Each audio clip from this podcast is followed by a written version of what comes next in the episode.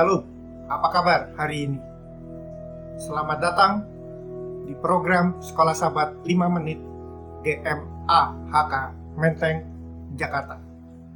Pelajaran Sekolah Sahabat kita sepanjang satu minggu ini berjudul Sangkar Guru.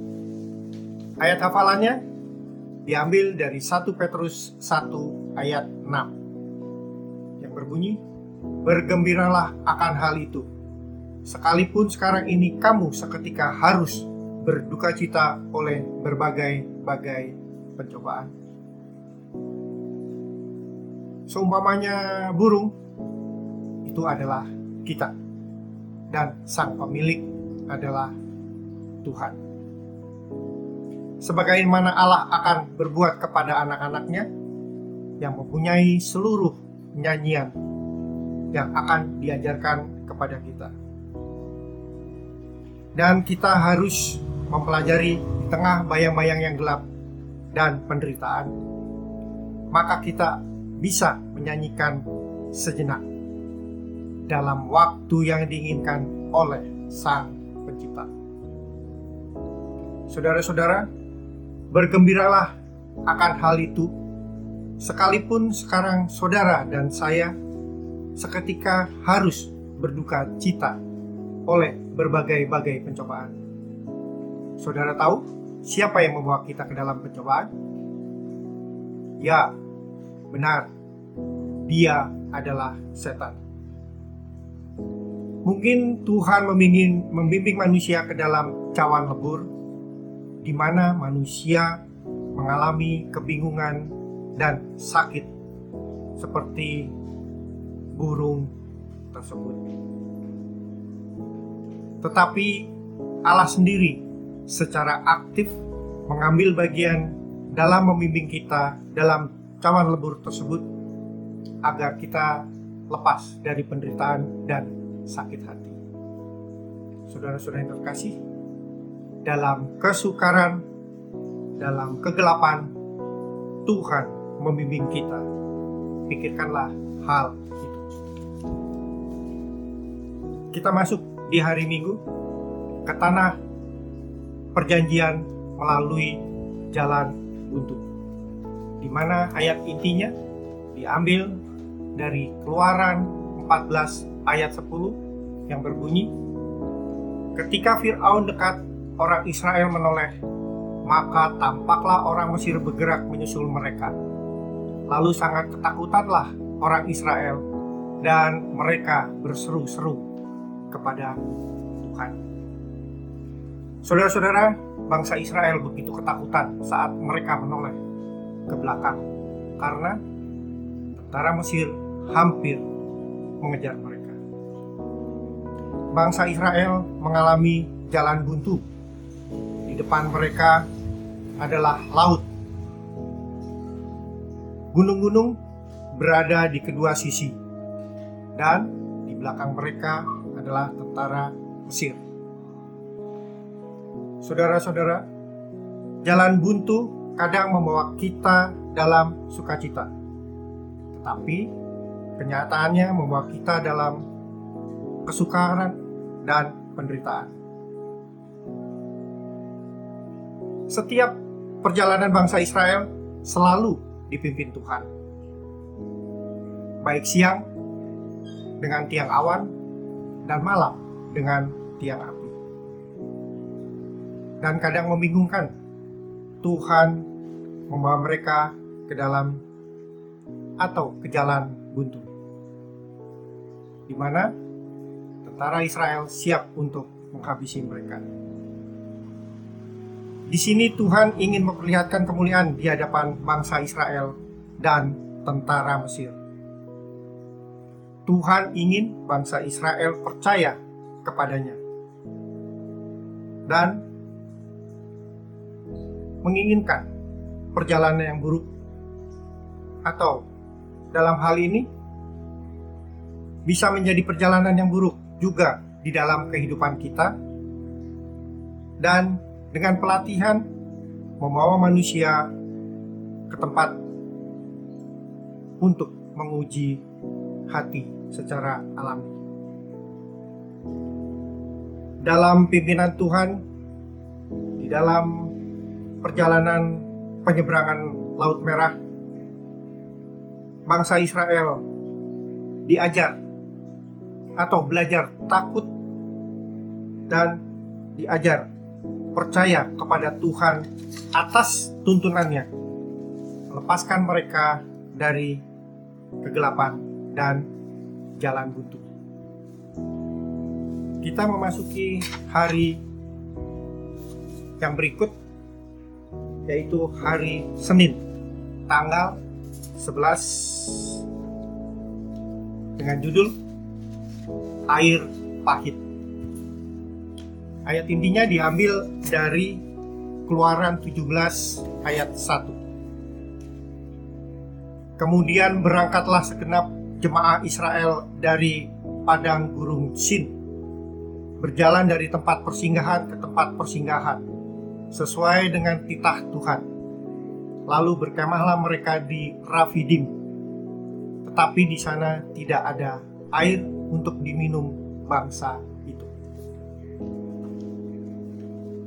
Manusia sangat membutuhkan air. Karena air memberikan kehidupan kepada manusia. Dan di mana tubuh manusia 70% terdiri dari air. Demikian juga bangsa Israel sangat membutuhkan air dalam perjalanan mereka di padang gurun yang kering dan panas. Tetapi Tuhan justru membawa mereka ke padang gurun yang tidak ada airnya. Kemudian mereka dibawa ke satu tempat yaitu Mara yang di mana airnya tidak dapat diminum. Mereka mencicipi air tersebut langsung dimuntah, dimuntahkan. Mereka bersungut-sungut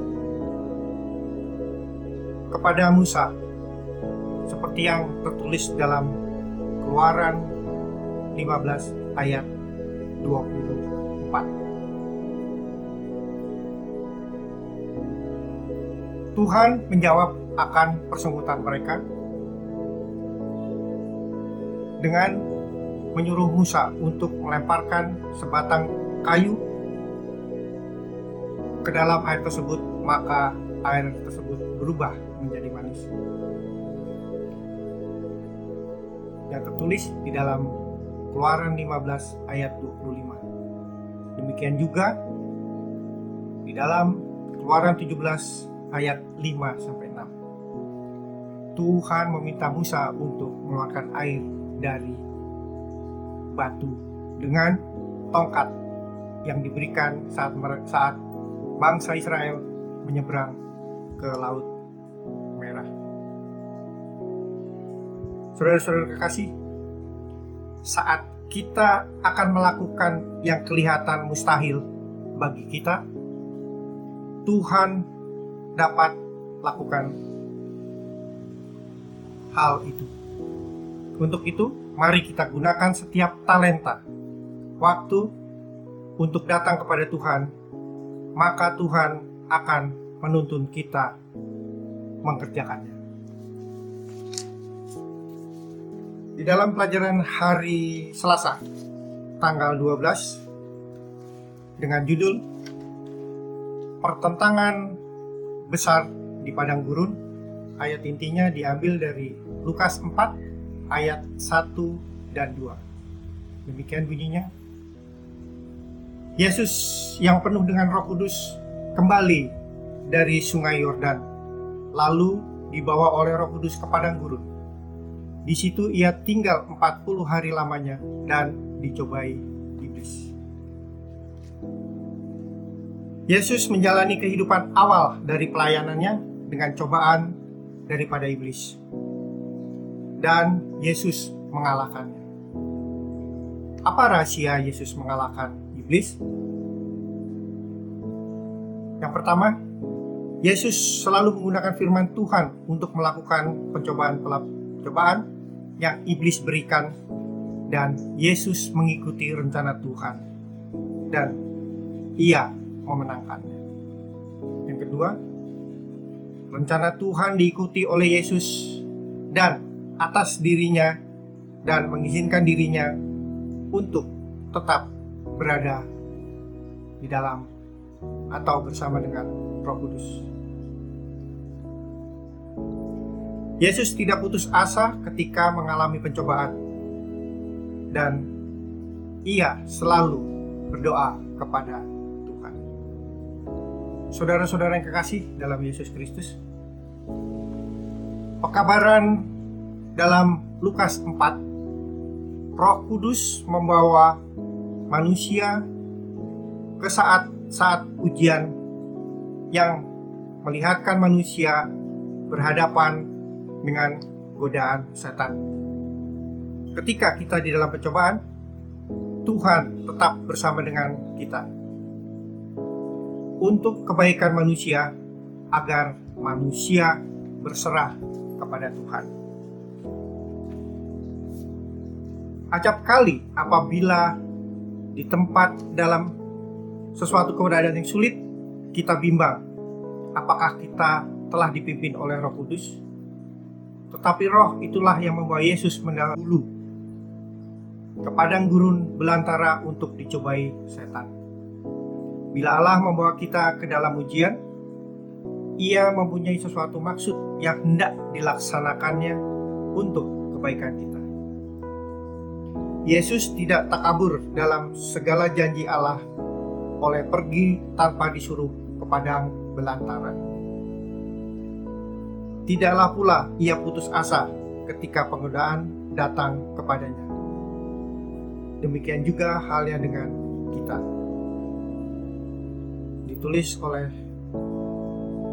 Ellen G. White, Alpha dan Omega, jilid 5 halaman 100 saudara-saudara yang kekasih, kabar baiknya adalah karena Yesus penanggung dosa kita, karena Dia membayar hukuman atas kegagalan kita untuk menanggung pencobaan itu, karena Dia telah membawa sebuah cawan lebur yang lebih buruk daripada yang pernah kita hadapi. Kita tidak dibuang atau ditinggalkan oleh Allah. Ada harapan bahwa untuk orang yang paling berdosa terdapat dalam 1 Timotius 1 ayat 15. Demikianlah pelajaran sekolah sahabat yang saya dapat sampaikan. Sekolah sahabat yang bersahabat, bersemangat, semua terlibat, jangan terlambat.